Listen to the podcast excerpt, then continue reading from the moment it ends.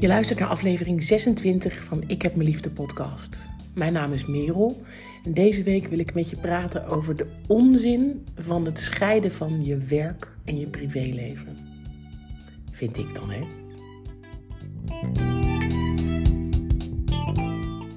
De aanleiding van deze podcast is dat ik van de week iemand op Instagram wat zag zeggen, vertellen in haar stories. Uh, ik volg haar, zij is coach. En ik vind dat zij eh, hele mooie content maakt en altijd hele goede dingen zegt. En wat ze aangaf is dat ze de laatste tijd in haar leven een heleboel stress en rouw meemaakte. En ze legde in die story heel erg de nadruk op dat dat vooral in haar persoonlijk leven speelde.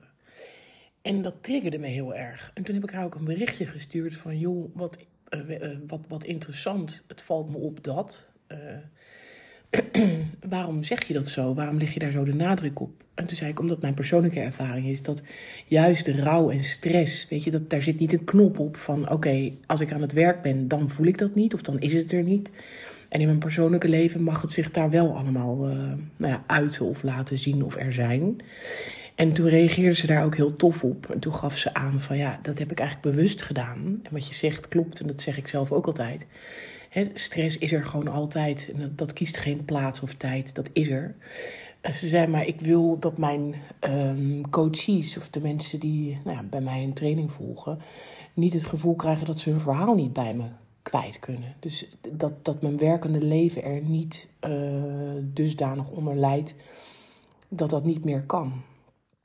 En die begrijp ik. Dus het was vrij slim eigenlijk van haar dat ze het op deze manier zo had verwoord. Maar wat ik zei, het triggerde mij en het deed me dus denken aan vroeger.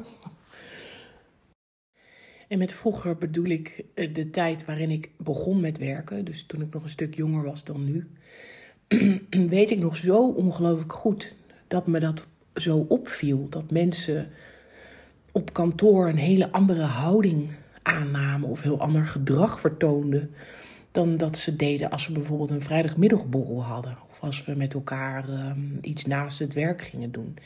Bij sommige collega's zag ik dan echt zo ongelooflijk ander gedrag. En dat leken wel twee verschillende persoonlijkheden. En ik ben me daar vanaf dat moment heel erg, nou niet over gaan opwinden, dat is niet het goede woord. Maar ik heb me daar altijd heel erg over verwonderd. Dat ik dacht, waarom is dat zo? Dat mensen op kantoor het idee hebben dat ze zich anders moeten gedragen dan thuis. Kijk, natuurlijk begrijp ik wel dat je niet uh, op het werk, op kantoor aan je reet moet krabben, in je neus moet pulken, een scheet moet laten, zoals je dat thuis wel doet. Ik begrijp heel goed dat mensen niet zitten te wachten op um, dat ik zeg dat ik naar de wc ga. Um, er zijn heel veel dingen die je gewoon niet doet, dat is beter van niet. Maar ja, dat, sommige dingen doe je ook thuis beter van niet. En hoe langer ik werkte, hoe meer ik me daarover verwonderde. En um, ik heb daar ook gesprekken over gevoerd met collega's. Van joh, het valt me op dat. Waarom, uh, waarom ben je zo gesloten als we aan het werk zijn? Of waarom vertel je niet dat je zo verdrietig bent aan onze leidinggevende? Stel, er was dan wat aan de hand en iemand had zichtbaar, uh, althans voor mij dan, hè, was, er, was er iets en dan, dan vroeg ik ook van ben je oké? Want je, je, bent heel, je ziet er heel bedrukt uit of je, uh, het ziet eruit of je hebt gehuild. Uh, wil je met me praten? En dan, nou, dan kwam er natuurlijk vaak een verhaal van wat er dan aan de hand was. En op het moment dat ik dan zei van, joh, misschien moet je het even delen. Laat het even weten aan uh, Piet of Kees of weet ik voor wie er dan uh, rondliep. dan kan je misschien wat eerder naar huis. Of um, nou, dan heb je misschien wat minder deadlines. Of dan kun je de druk wat van de ketel halen. Of dan is er misschien wat meer begrip waarom je nu waarom je doet zoals je doet. Maar de angst was er dan heel vaak van nee, dat wil ik niet en dat kan ik niet. En um, ook heel veel gêne om te huilen op het werk. Dus dat, dat is iets wat je niet doet. En dan, als je dat doet, ben je niet professioneel. Dat leerde ik dan hè, van, van wat oudere collega's. Terwijl ik heb echt wel eens een keer een traan gelaten op mijn werk. Ja, ik ben een mens, mag ik? En ik merkte dus ook dat ik daar me heel anders in voelde dan, dan veel andere collega's. Ik zeg niet dat ik de enige was of ben daarin. Maar ik zag bij een heel overgroot deel echt heel duidelijk dat mensen zeiden van ik wil mijn werk en privé gescheiden houden. En op mijn werk ben ik een ander iemand dan dat ik thuis ben. Nou, ik snap daar echt helemaal niks van. En dat zegt natuurlijk vooral iets over mij, dat begrijp ik heel goed. Ik geloof ook echt wel dat het afhangt van je persoonlijkheid, van uh, nou, hoe je bent en waar jij je senang bij voelt. Maar ik geloof toch ook wel dat we echt met elkaar een soort van beeld hebben gecreëerd van zo hoort het. Hè? Zo, iemand heeft ooit gezegd dat doe je niet. En dat zijn we allemaal gaan doen. Maar waarom eigenlijk? Wat brengt het je om zo strikt die scheiding aan te brengen? Waarom zou je op je werk niet mogen vertellen: joh, ik heb twee hele jonge kinderen, ik slaap al zes maanden echt extreem kut, ik uh, kan bijna niet meer nadenken. En ik vind het echt wel knap dat ik mezelf ochtends aankleed en uh, die kids uh, rechtop heb staan. En dat is het even. Ik heb, ik heb een moeilijke tijd. Uh, ik wil graag dat jullie dat weten. Hoe erg is dat? Of kun je niet zeggen van mijn moeder is ziek en ik heb er last van. Ik, ik vind het moeilijk en ik uh, ga door een moeilijke tijd. Um, fijn dat jullie het weten. Dan kunnen jullie me misschien een beetje steunen. Of, nou, en wat ik zelf natuurlijk ook meemaak de afgelopen tijd. Gewoon, um, ik ben aan het reïntegreren geweest als ik dat allemaal voor mezelf had moeten houden, terwijl ik in contact met collega's was, dan had ik niks kunnen vertellen. Weet je, mijn hele leven stond op zijn kop de afgelopen twee jaar. Ik ben heel blij dat ik daar een, uh, nou, een modus in heb gevonden om daar af en toe eens wat over te delen. Dat is natuurlijk wel, er moet wel een beetje balans zijn. En ik geloof ook dat je nou, de momenten waarop je open bent en misschien vertelt over je verdriet, moet je natuurlijk altijd even toetsen van, hey, heb je wat ruimte? Kunnen we even praten? En dat je niet voorafgaand aan een hele bijzondere meeting even je persoonlijke leven op tafel legt, waar niemand dan iets mee kan. Dat is natuurlijk, je moet het wel even aftasten. Nou, dat is hetzelfde in je privéleven. Je kan niet zomaar zeggen hoi en dan vervolgens even een emmer kots op tafel leeggooien van succes, doe er maar wat mee. Maar je bent een mens. En ik, ja, ik, ik, ik praat weer in, in de ik-vorm. Ik ben een mens en ik vind het helemaal prima dat mensen mij op mijn werk uh, verdrietig zien of boos of uh, bang of nou ja, gewoon wat er aan de hand is. Het is oké. En ik vind dat ook van collega's helemaal niet erg. Juist niet. Ik denk dat het, net als in je privéleven, dat het juist verbindend ook kan werken. Van hé, hey, hij of zij heeft daar ook last van. we zijn toch geen robots? Potverdikkie. En ik zeg, oh potverdikkie. Dus het laat, ik, ik, ik merk dus dat het me dat echt raakt. En dat heeft ook te maken met dat ik vroeger best vaak door leidinggevenden ook ben aangesproken op mijn gedrag. En niet alleen door leidinggevenden, maar ook door vrienden of door vreemden um, op feestjes. En ik leg je graag even uit uh, wat er dan gebeurde. Ik vind... Um, uh, vond. Ik ben iets veranderd, maar nog steeds wel. Ik ben gewoon mezelf. En als ik met mensen ben, dan hou ik van uh, grappen maken en serieus praten. En, maar ook gewoon als we met elkaar een drankje aan het doen zijn en lekker aan het dansen zijn, dan hou ik van gek doen en harde grappen. En weet je, het leven is al heel serieus. Laten we vooral ook gewoon mooie dingen met elkaar delen en blij zijn en, en, en grappies maken en jezelf laten gaan. En nou, gewoon af en toe stout zijn. Heerlijk vind ik dat.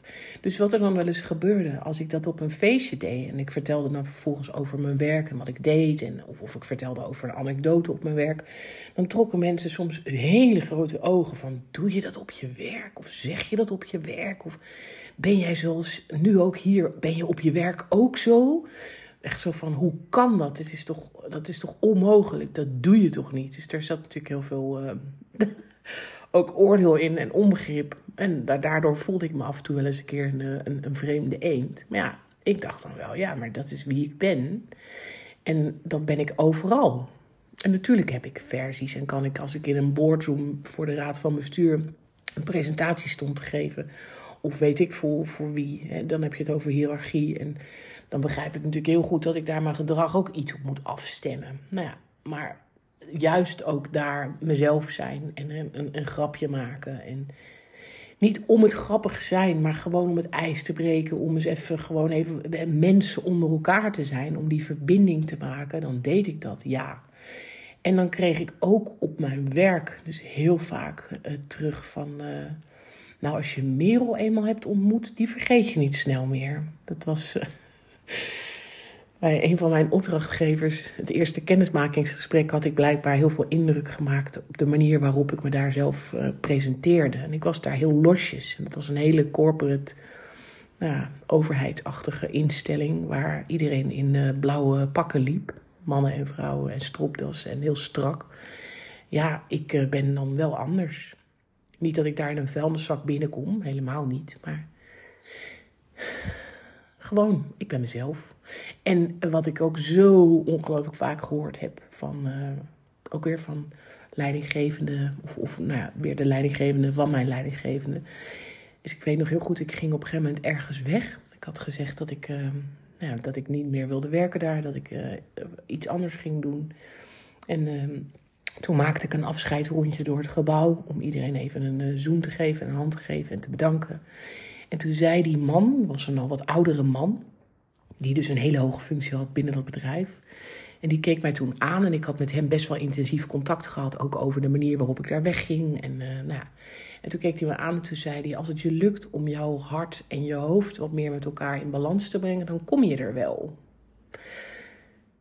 En toen dacht ik echt zo, oké. En toen heb ik alleen maar geglimlacht en hem een hand gegeven. En toen uh, heb ik volgens mij ook wel iets gezegd van, nou, we zullen zien.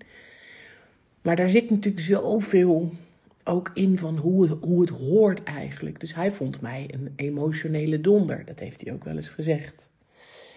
Maar dat is wel wie ik ben en wat me ook heel veel heeft gebracht. En uh, ja, emoties vinden mensen natuurlijk vaak heel spannend, zeker op het werk. Maar ik, ik, het is niet dat ik toen hij dat zei, dat ik toen dacht van, oh, ik moet dat ook voor elkaar gaan krijgen. Want ik wil, ik wil echt, uh, um, hoe zeg je dat, wat, wat hij had gezegd, van dan kom je er wel. Ik wil daar komen wat hij zegt. Dan denk ik, ja, waar kom ik dan? Wat betekent het dan? Dus ik leerde toen ook al van, het zegt vooral iets over hem. Laat ik vooral mijn eigen pad blijven, blijven bewandelen. En uh, nou, niet mezelf anders voor gaan doen dan dat ik ben. Nou, dat heb ik tot op de dag van vandaag niet gedaan. En ik denk ook dat ik dat nooit ga doen. En dat vind ik echt puur winst. En ik had laatst een gesprekje met mijn huidige leidinggevende. En die zei op een gegeven moment ook van, we krijgen een nieuwe collega. En ik uh, vroeg aan hem van, wie is dat dan? En wat gaat hij dan doen? En uh, toen, toen zei hij, ze lijkt wel op jou. Ze heeft ook zo het hart op de tong. En ze is ook vrij direct. En toen dacht ik, wat grappig dat ik nog steeds ook zo overkom bij uh, mensen. Dat hij mij zo ziet. En waar ik dan vroeger misschien zou denken van... oh, dat doe ik niet goed. Of ik moet zakelijker zijn. Of ik moet me meer corporate opstellen. En denk ik nu alleen maar... goed zo wijfie, je bent jezelf. En uh, dat is wat ik wil.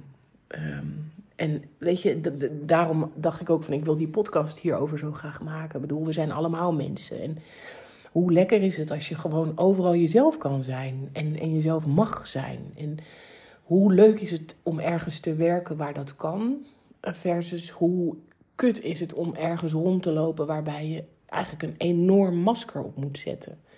Waarbij je de hele tijd moet nadenken: kan ik dit wel maken? Kan ik dit wel zeggen? Is het wel slim dat? Of hoe toxic is die cultuur dan? Eh, echt heel giftig. Dat, uh, en ik, ik heb voor mezelf ook besloten op een gegeven moment dat ik bij bepaalde bedrijven niet meer wil werken. Omdat het dus ook niet werd gewaardeerd als ik was wie ik ben. Nou, weet je, graag of niet. En vroeger had ik dan me daar een beetje wel naar geschikt. Maar dan was ik wel heel baldadig geworden of ging ik daar een beetje tegen aantrappen. En dat ging dan eigenlijk alleen maar ten koste van mezelf. Ten, ten koste van mijn eigen werkgenot en plezier en mens zijn. En liep ik daarop leeg. En dan kostte me dat zoveel energie. En nu uh, vind ik het zo fijn dat ik bepaalde keuzes heb gemaakt. En dat ik dat dus niet meer heb. En dat ik dus gewoon, ik val in herhaling, ben wie ik ben. Ik ben een mens. Ik ben van vlees en bloed. Soms ben ik eh, goed, gelukkig, rustig, kalm en uh, gebalanceerd. Soms spelen er dingen en ben ik in de war of ben ik wiebelig. En dat neem ik allemaal mee naar kantoor. En andersom, als er dingen op kantoor gebeuren, neem ik dat ook mee naar huis. En natuurlijk is het fijn als je een goede work-life balance hebt. dus als er dingen gebeuren op kantoor, dat je daar niet nog weken thuis mee rondloopt. Want dan gaat er iets niet helemaal goed. En andersom, als er dingen thuis gebeuren en je bent weken op kantoor ben je uit het lood geslagen, dan zijn er dingen die je moet aanpakken. Maar uiteindelijk gaat dat dan dus niet over jou. Het gaat om de dingen die gebeuren in je leven. En hoe prettig is het om daar dan dus openheid over te kunnen geven, zodat je misschien ook steun kan ontvangen en mensen je kunnen helpen en een arm om je heen kunnen slaan. Dat is op kantoor toch ook heerlijk als je verdrietig bent. Nou, volgens mij heb ik mijn punt wel gemaakt. Dus ik vind dat zo heel erg strikt gescheiden houden van hoe je op je kantoor moet zijn en hoe je in je uh, dagelijkse privéleven uh, bent. Grote, dikke wetten, onzin. Nou, dit was mijn spreekbeurt. Ik hoop dat je er iets aan hebt gehad, dat je het herkent. Misschien uh, kun je er wat mee, misschien niet, ook goed. Ik zeg arrivederci en tot volgende week.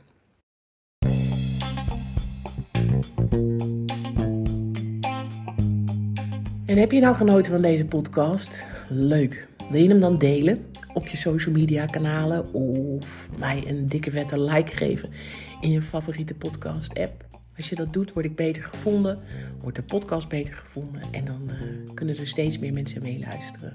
Dat zou ik heel tof vinden. Dankjewel.